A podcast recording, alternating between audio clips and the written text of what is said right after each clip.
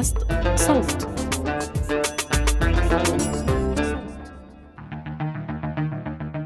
أهلا بيكم أنا أحمد إيمان زكريا وده بودكاست المستجد.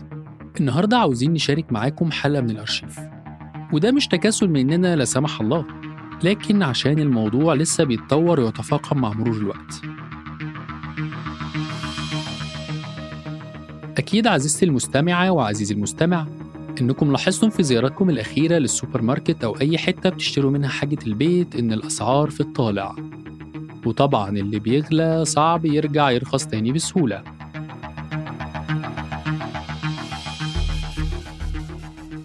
في الحلقة دي هنحاول نستكشف أسباب غلاء أسعار كل حاجة عالميا ومحليا. وهل ده نتيجة طبيعية لشكل الاقتصاد السائد على كراتنا الأرضية الحبيبة؟ ولا في حاجة غلط بتحصل دلوقتي وعاملة القلق ده كله؟ بتمنى لكم تسمعوا حلقة ممتعة.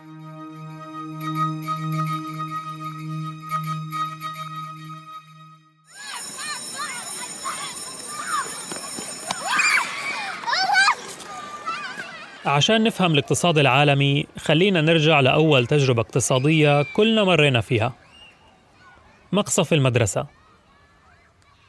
نتخيل الطلاب بيطلعوا فرصة أو فسحة على الساحة. كلهم بدهم يشتروا أكل وشرب. هذا اللي بسموه طلب.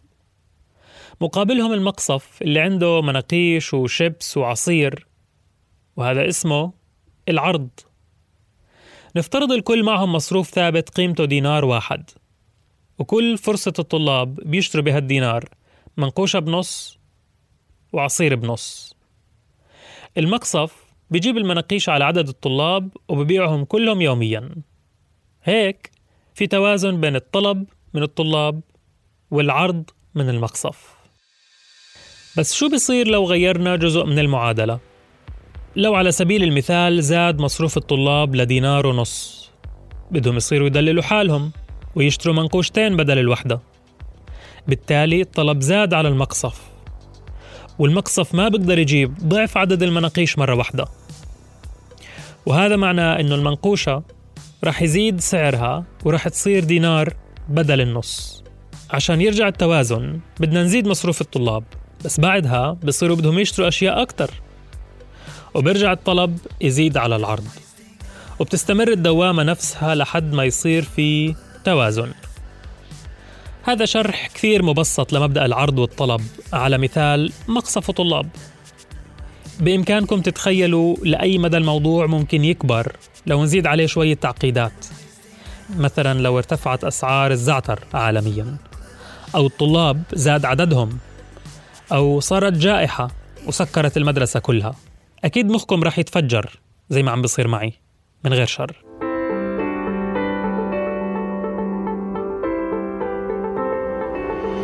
مرحبا أنا محمود الخواجة وهذا بودكاست المستجد. اليوم بنحاول نحلل مع بعض سبب غلاء الأسعار بآخر فترة عالميا. ونفهم إذا كان اللي عم بيصير حدث طبيعي وهيك الاقتصاد بيشتغل ولا الغلاء اللي عم بيصير حالة جديدة وما صارت من قبل.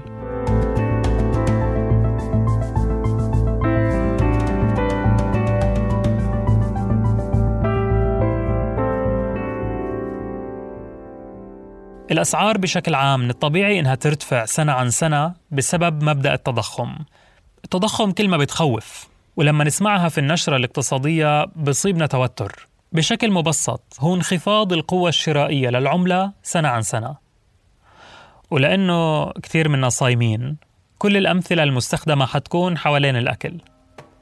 قبل عشر سنوات كان الدينار في الأردن مثلا يشتري 100 حبة فلافل. بس اليوم بيشتري لك 60 حبة. وفي الغالب السنة الجاي رح يشتري أقل. وعلى قولة الحجات المصاري ببطل فيها بركة. يعني بشكل مبسط أكثر التضخم هو ارتفاع الأسعار. طيب ليش هذا إشي طبيعي؟ وشو الفائدة من إنه الأسعار تزيد؟ لأنه العملة زادت قوتها وبركتها. هذا معناه إنه الأسعار رح تنزل. ولما الأسعار تنزل بنزل معها الطلب يعني لو الدينار صار يشتري لك 200 حبة فلافل انت رح تصرف أقل على الفلافل. بالتالي صاحب مطعم الفلافل ما راح يكبر محله والمستثمرين في قطاع الفلافل راح يهربوا. وممكن بعدها تقل جودة الفلافل وتصير تبطل تشتري فلافل ويسكر المطعم. ومن وين بدك تجيب سندويشات فلافل للسحور بعدها؟ هو حدا بتسحر فلافل.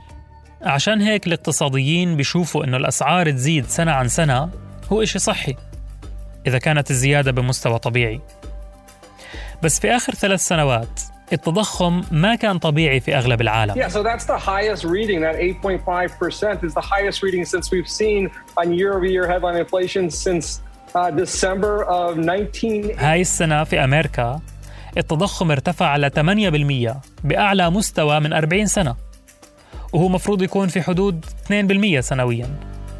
طيب ليش بزيد التضخم؟ التضخم بزيد لثلاث أسباب.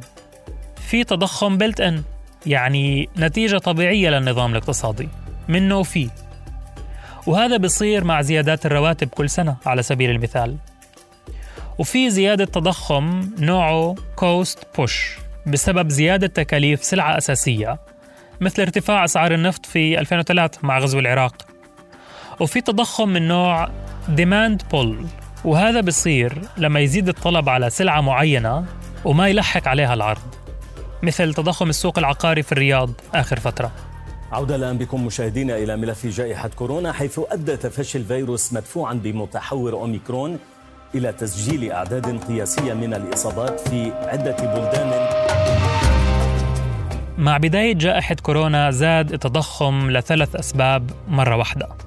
صار demand pull على أنواع بضائع مثل المواد الطبية وعلى الشرائح الإلكترونية في أجهزة التابلت والكمبيوتر عشان التعليم والعمل عن بعد. وصار في cost push رهيب. زادت فيه تكاليف تصنيع كل إشي بسبب أزمة ال supply chain أو سلاسل التوريد الناتجة عن بطء حركة الملاحة وإنتاج ونقل البضائع عموما بسبب الإجراءات الاحترازية. إنها أزمة سلاسل التوريد أو سلاسل الإمدادات. يعني آه، لا زالت المشكلة موجودة مشكلة سلاسل التوريد. تضغط أزمة سلاسل التوريد أكثر فأكثر على الاقتصاد العالمي وعلى الكثير من الدول. كلمة supply chain انحكت في نشرات الأخبار بآخر ثلاث سنوات. قد ما انحكت كلمة فيروس يمكن. سلاسل الإمداد بشكل مختصر. هي الجهات اللي بمر فيها المنتج من مواد أولية حتى يوصل للمستهلك وبتنقسم لثلاث جهات رئيسية. تأمين المواد الأولية بعدها تصنيع هاي المواد إلى المنتج وأخيرا الجهة المسؤولة عن نقل المنتج إلى المستهلك. واسمها سلاسل لأنه أي خلل في جهة منها بعطل توصيل المنتج للمستهلك. وكورونا سببت مشكلة في الجهة الأخيرة من سلاسل الإمداد اللي هي التوصيل وبالأخص سفن الشحن. Giant container ship is blocking the Suez Canal, one of the world's busiest waterways. The route is vital for the movement of everything from oil to consumer goods. كلنا بنتذكر أخبار سفينة إيفر جرين اللي أغلقت قناة السويس أو على الأقل النكت وال memes اللي طلعت عليها إيفر جرين عملت أزمة في حركة الشحن أكبر من أزمة السوق في ليلة العيد وحتى بعد ما مرت السفينة على خير وهدأت بال ظلت تبعات الأزمة موجودة لفترة طويلة يمكن تستغربوا زيي لما تعرفوا إنه أثر ايفر جرين على أزمة الشحن وسلاسل الإمداد ما بنحسب مقارنة بالمشكلة الأساسية اللي هي حاويات الشحن نفسها. آه المشكلة الأساسية في البوكسات الحديد اللي بينقلوا فيها البضائع. صار في نقص عالمي بحاويات الشحن. شو اللي صار في الحاويات؟ وين راحوا بعد كورونا؟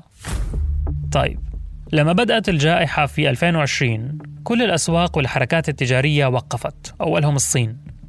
بس كان في سفن اوريدي طالعة في البحر لما الصين قررت تسكر. عشان أصحاب شركات الشحن يخففوا خسائرهم من كورونا تركوا حاوياتهم في الموانئ الغربية ورجعوا فاضيين على الصين. لأنه ما في بضاعة يحملوها من هناك ومنه بيخففوا وزن وصرف بنزين. اللي زاد الطين بلة لما الصين فتحت مصانعها في الصيف. بدأوا يستخدموا الحاويات القليلة اللي عندهم عشان يصدروا لأمريكا اللي هي أكبر مستورد منهم. أمريكا لسه تحت الجائحة والمصانع مش شغالة والحكومة الأمريكية طبعت 8 تريليون دولار عشان تعمل سيولة في البلد ووزعت المصاري على شكل كاش وقروض. الأمريكان لما صار في مصاري بإيدهم بدأوا يشتروا ويستوردوا من الصين. بس ما في إشي يصدروه مع السفن اللي جاية. وصاروا يرجعوا فاضيين ويتركوا الحاويات في أمريكا. فالحاويات اللي بحطوا فيها البضاعة ما ضاعت لكنها موجودة في المكان الخطأ. وهذا عمل مشكلة كبيرة في سلاسل الإمداد والشحن وكله بيأثر على التضخم وارتفاع الأسعار. ومع استمرار اشتعال الحرب بين روسيا وأوكرانيا يعاني العالم اليوم من نقص الإمدادات وخاصة في الحبوب القمح. We're banning all imports of Russian oil and gas and energy. That means Russian oil will no longer be acceptable at US ports and the American people will في حلقة المستجد عن حرب روسيا وأوكرانيا حكينا شوي عن تأثيرها على ارتفاع الأسعار خاصة على القمح والغذاء يا ريت تروحوا تسمعوا الحلقة اسمها ماذا يدور في رأس بوتين روسيا أكبر مصدر للقمح في العالم وأوكرانيا تعتبر رابع مصدر. ولما وقفت التصدير فجأة وبدون فرصة للتجهيز مع بداية الحرب أسعار القمح طارت للسماء. منظمة الغذاء العالمية توقعت أن أسعار الغذاء ترتفع بنسبة 8 لحد 20% في هاي السنة بسبب الحرب. من لما بدأت الحرب أمريكا استخدمت سلاحها الأقوى واستراتيجيتها المعتادة اللي هي العقوبات الاقتصادية ومنعت الاستيراد من روسيا. روسيا ثاني أكبر مصدر للنفط في العالم وأمريكا أكبر مستورد له. فهسا أمريكا بدها توجد بدائل للنفط من أسواق ثانية أسعارها أغلى.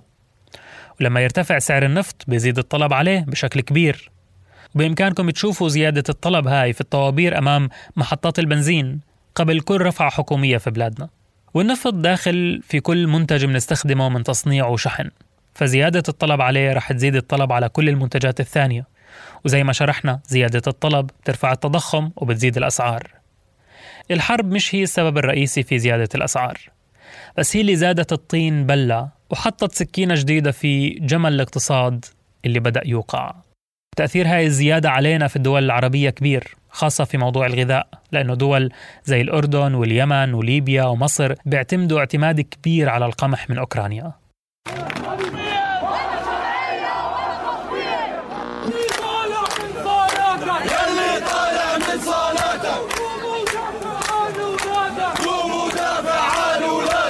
مر أكثر من عشر سنوات على الربيع العربي.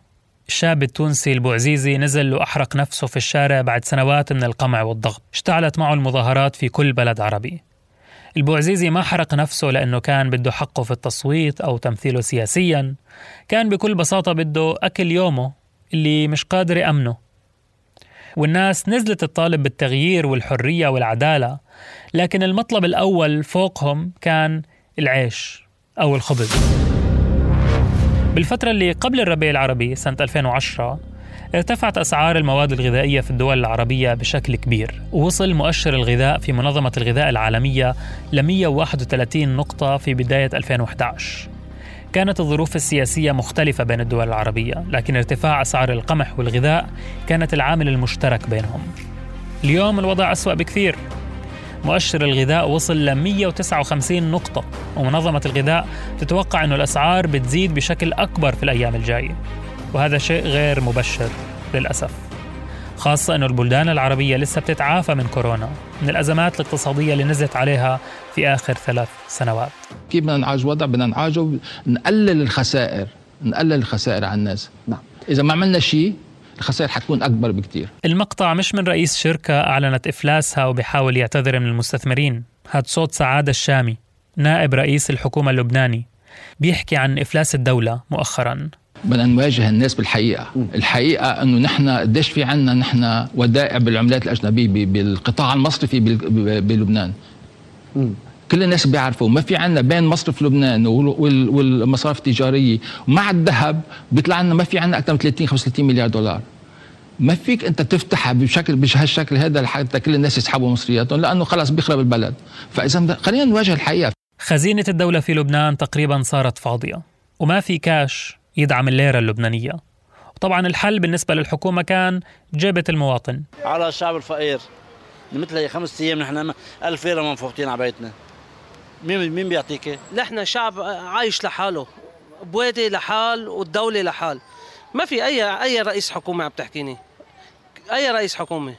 أي خطة إنقاذ عملوها للشعب هذا أي خطة كهرباء عملوها للشعب هذا بس شاطرين بالضرايب وفرض ضرايب وفرض غرامات وفرض TVA. شو بدهم بعد؟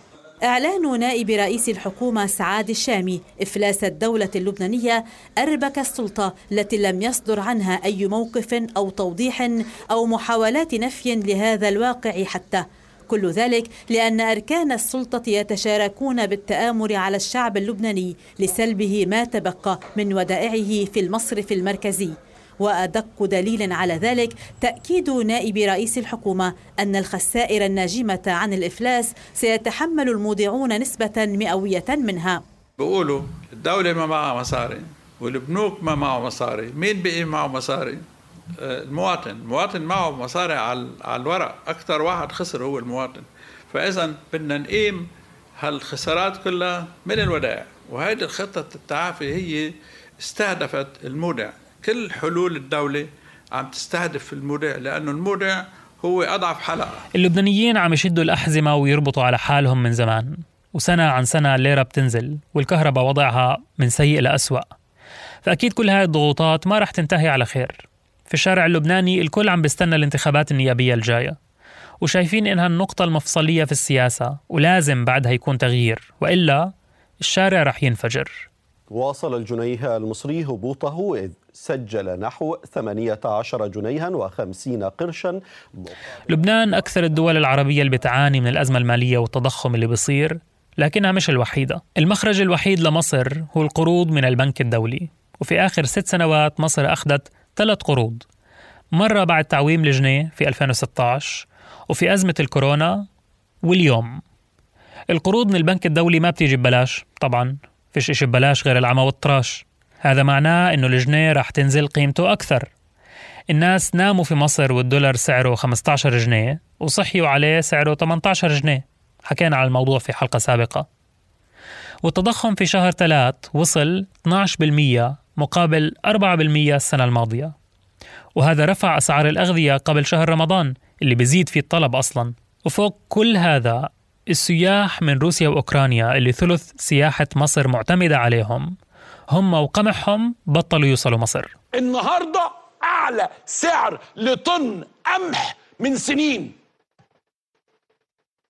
أنت بقى ممكن بقى طبعا بتجيب من فرنسا وبتجيب من خزخستان آه، وبتجيب من أمريكا بتجيب من دول أخرى.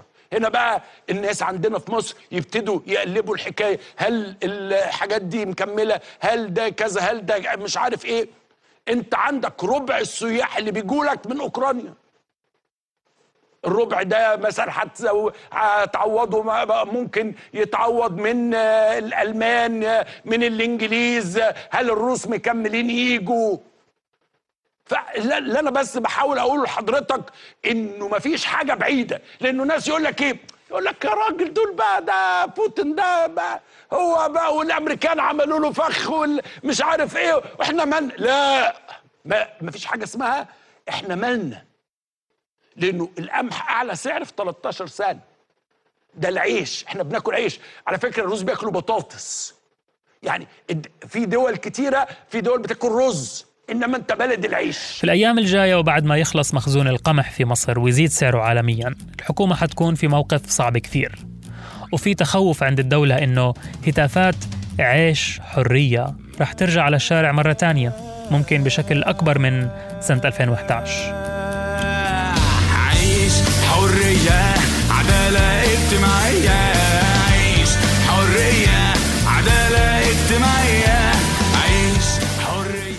طيب شو نتوقع للمستقبل؟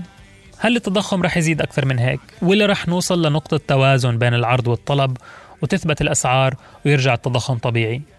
صراحة ما بنعرف متنبئي الأبراج والطالع خوف الله أصدق من متنبئي الاقتصاد المفروض على مبادئ الاقتصاد إنه التضخم ما رح يستمر بهذا الشكل لأنه مع ارتفاع الأسعار رح يخف الطلب ولأنه المستهلكين رح يشتروا أقل وهذا معناه إنه الأسعار رح تنزل وعلى جهة ثانية العرض رح يزيد لأنه التجار بدهم يبيعوا بالسعر العالي. فالمفروض وتحت مفروض أكثر من خط إنه الأسعار توصل نقطة توازن وتنفرج علينا هاي الأزمة. بس برضو ما حدا بيقدر يحذر بتقلبات السوق. في سنة 2020 ما حدا كان مخطط لفيروس كورونا وما حدا كان متوقع الحرب الروسية الأوكرانية ومين بيعرف شو في مفاجآت قادمة. اللي بإمكاننا نحذره أنه المواطن الفقير هو اللي بدفع ضريبة التضخم وتقلبات السوق والأغنياء ما بتفرق معهم كثير. التضخم بيأثر على سعر النقد والأغنياء ما حدا منهم تارك مصاري كاش تحت البلاط وما بيأثر عليهم أي تضخم في العملات. ومع كل الأزمات الماضية الفقراء زاد فقرهم والأغنياء زاد غناهم. ومين بيعرف لمتى حيضل الفقير مستحمل وساكت على اللي بيصير فيه؟ كنت معكم من التقديم محمود الخواجة. من الكتابة محمد علي ومن التحرير عمر فارس. من الهندسة الصوتية عروة عيادة. اشتركوا بقناة المستجد وين ما كنتوا عم تسمعوا هاي الحلقة لتوصلكم تنبيهات بالحلقات الجديدة. كمان ما تنسوا فقرتنا المصغرة الأسبوعية. المستجد جدا. بودكاست المستجد من إنتاج صوت.